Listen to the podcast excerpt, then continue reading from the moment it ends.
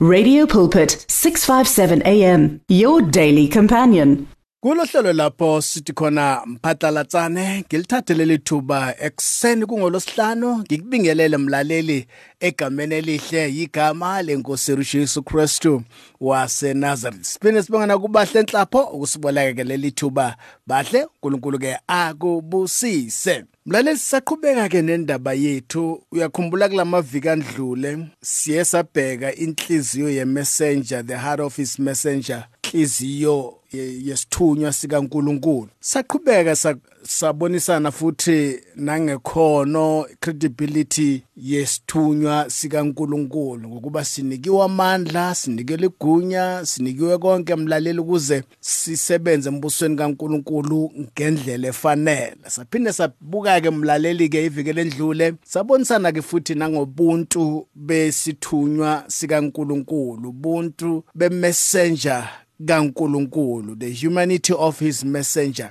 Namhlanje ke mlaleli sesiyayivala ke sizobheka ke ukulalela kwesithunywa the obedience of his messenger. Ngoba mlaleli akakho umuntu ofuna ukusebenza nomuntu ongalaleli. Even nomuntu ongalaleli akafuni ukusebenza nomuntu ongalaleli naye futhi.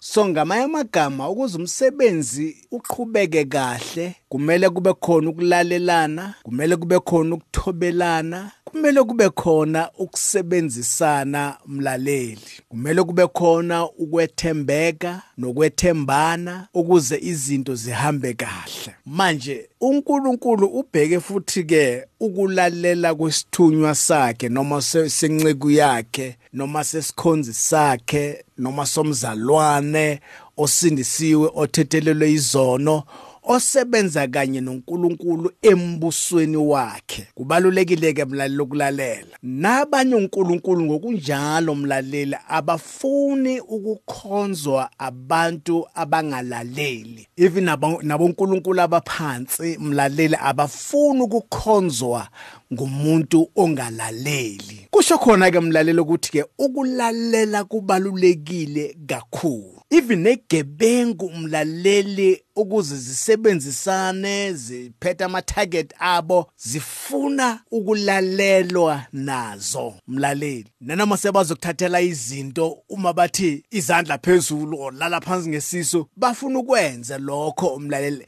nanoma bona bengafuni ukulalela nanoma bona bengenalo uzwelo noma bona befe unembeza kepha bayafuna ukulalelwa nabo. Manje ngizama ukukubonisa ukuthi ukulalela kubaluleke kangakanani? Even nabathakathi imbala mlaleli bayafuna ukuba laba abasebenzisana nabo babalalele. Kangakanani ke ngoNkulunkulu? Siyakhumbula ukuthi uNkulunkulu wathi kuSawuli ahamba ayo destroyer isizwe sithize achitha konke kulapho wakwenza lokho olentuzo sawo kepha ke wakhetha lokho kunonile wadestroya lokhu okuzacile emlaleli uNkulunkulu akashonga ukuthi adestroy okuzacile kuphela akhethe okunonileyo. Uthize adestroy konke emlaleli ngenxa yokungalaleli izwi laNkulunkulu lithi ke walahlekelwa isikhundla sakhe. Ake sibuye futhi ke naku Adam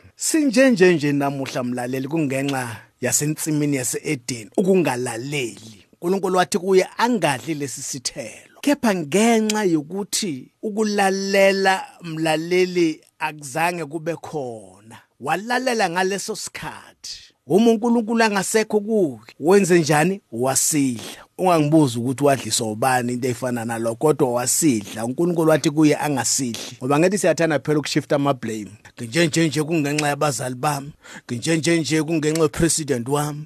Izwe linjenje nje lingenxa kobani? Onke ama blame siyawashifta thina senze lutho. Namhlanje ke sizobonisana ngokulalela. Umbuzo ukuthi mlaleli wena uyalalela yini? Uyathoba yini mlaleli? Uyamamela yini? Obedience is better than sacrifice mlaleli. Ibhayibheli lisho njalo. Uma ulalela nokulalela lize licindezele lithi uma ulalela nokulalela. Ake sifundeke izwi lenkosi laphana ke kwabaseroma chapter 12 sicala ukufunda laphana kuverse 1 sigcina kuverse 2 ukuhamba okungcwele isihloko ke leso sale chapter. Ngakho ngiyanincenga bazalwane ngobubele bukaNkuluNkulu ukuba ninikele imizimba yenu ibe ngumnikelo ophilileyo ongcwele othandeka kuNkulunkulu kube ngukukhonza kwenu kokuqonda. Verse 2 ningalingisi lelizwe kodwa niguqulwe isimo ngokwenziwa ibentsha ingqondo yenu ukuze nibe nokuhlolisisa okuyintando kaNkuluNkulu okuhle nokuthandekayo nokupheleleyo. Mlaleli kuyingozi ukungalaleli. Ungalazi iBhayibheli ukuqala kuGenesis uyogcina kuSambulo from Genesis to Revelation. Kepha uma ungalilaleli izwi likaNkuluNkulu kuyafana mlaleli. Ungaya einkonzweni khonza kusukela ekuseni kuze kuyoshona ilanga uze uyichaje ukuthi thina siyamkhonza uNkulunkulu. Kepha impilo yakho imingabonisi ukulalela ngoba impilo umuntu uma elalela ubona nempilo yakhe iguquka mlaleli ngenxa ukuthi ke uyalalela uyenza nokwenza.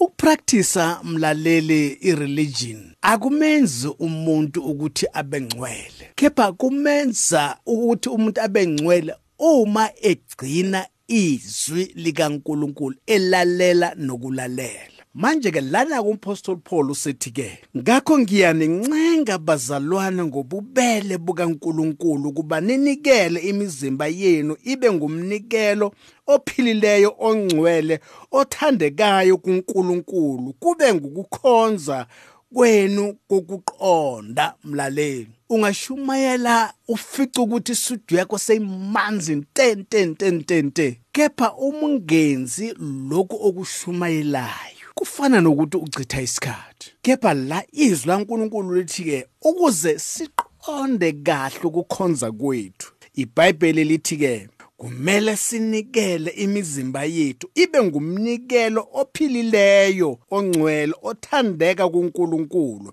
Kube ngukukhonza kwenu kokuqonda. Mlaleli bangakhi namhlanje abantu esebabahlubuka asebahlubukile. Ngenxa yokungalaleli nokugcina izwi likaNkuluNkulu. Abanye mlaleli siza enkonzweni ngenxa ukuthi ke sifuna ukuphiliswa. Abanye size enkonzweni ngenxa ukuthi ke sifuna ukuvikelwa ebuthakathini. Abanye siza enkonzweni ngenxa ukuthi ke ngifuna ukuceba ngibe nemali. Ngize ngifunde namavesi akhuluma ngokuvikeleka.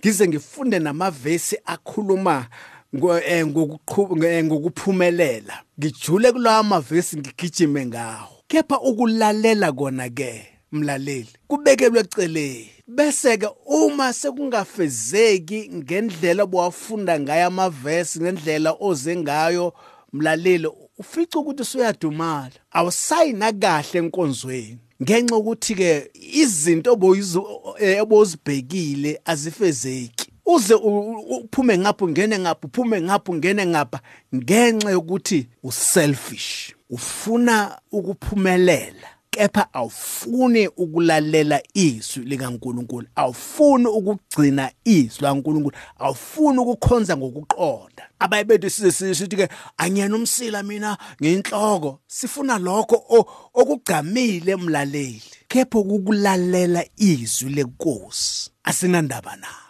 ngifuna nje kuphela ukuba ngibe inhloko ngingabombi umsila ukuya ngezwi likaNkuluNkulu. Kepha uyalalela yini uyaligcina yini izwi likaNkuluNkulu na? Kunako konke kunamazwi uJesu awashoyo kubafundi bakhe athi ningathokozeli ukuba amadimoni ayanilalela ningathokozeli ukuthi niyawakhipha amadimoni kepha thokozelani ukuba amagama enu alotshwe encwadini yokuphila kubalulekile ukulalela mlaleli. Singajabuliswa kuphela ukuthi hey siyabaphilisa abagulayo ibandla lami liyaphilisa ibandla lami liyaphumelelisa ibandla lami lenza. Igama lakho lilotshiwe yini encwadini yokuphila? Uyalalela nokulalela na? Uyaligcina yini izwi likaNkuluNkulu? Obedience is better than sacrifice. Thoba mlaleli ngoba izwi lenkulunkulu lithi ke oziphakamisayo uyakuthotshiswa kepha ozithobayo uyakuphakanyiswa ngenxa yesikhathi ake ngithatheke le intambo ngiphinisele kubahle. Bahle intambo babayilapha ekhaya mlaleli We are here 24 hours a day with the message of hope, faith, and love on 657 AM. Radio Pulpit understands that praying alone isn't always easy. So, join us to form a chain of prayer for you and with you. To do so, send in your prayer requests on 067 429 7564. That is 067 429 7564. Or alternatively, email us on prayer at radiopulpit.co.za. That is prayer at radiopulpit.co.za. Radio Pulpit's Facebook page makes you more a part of the station than ever before. Now you can give your opinion regarding our programs or even contact your favorite presenter. You can get the latest news and existing programs and communicate with other listeners. Come on, let your fingers do the talking on Radio Pulpit's Facebook page. It's interactive and dynamic. Just visit facebook.com forward slash Radio Pulpit. You and 657 AM and life. A winning team on the road to eternity.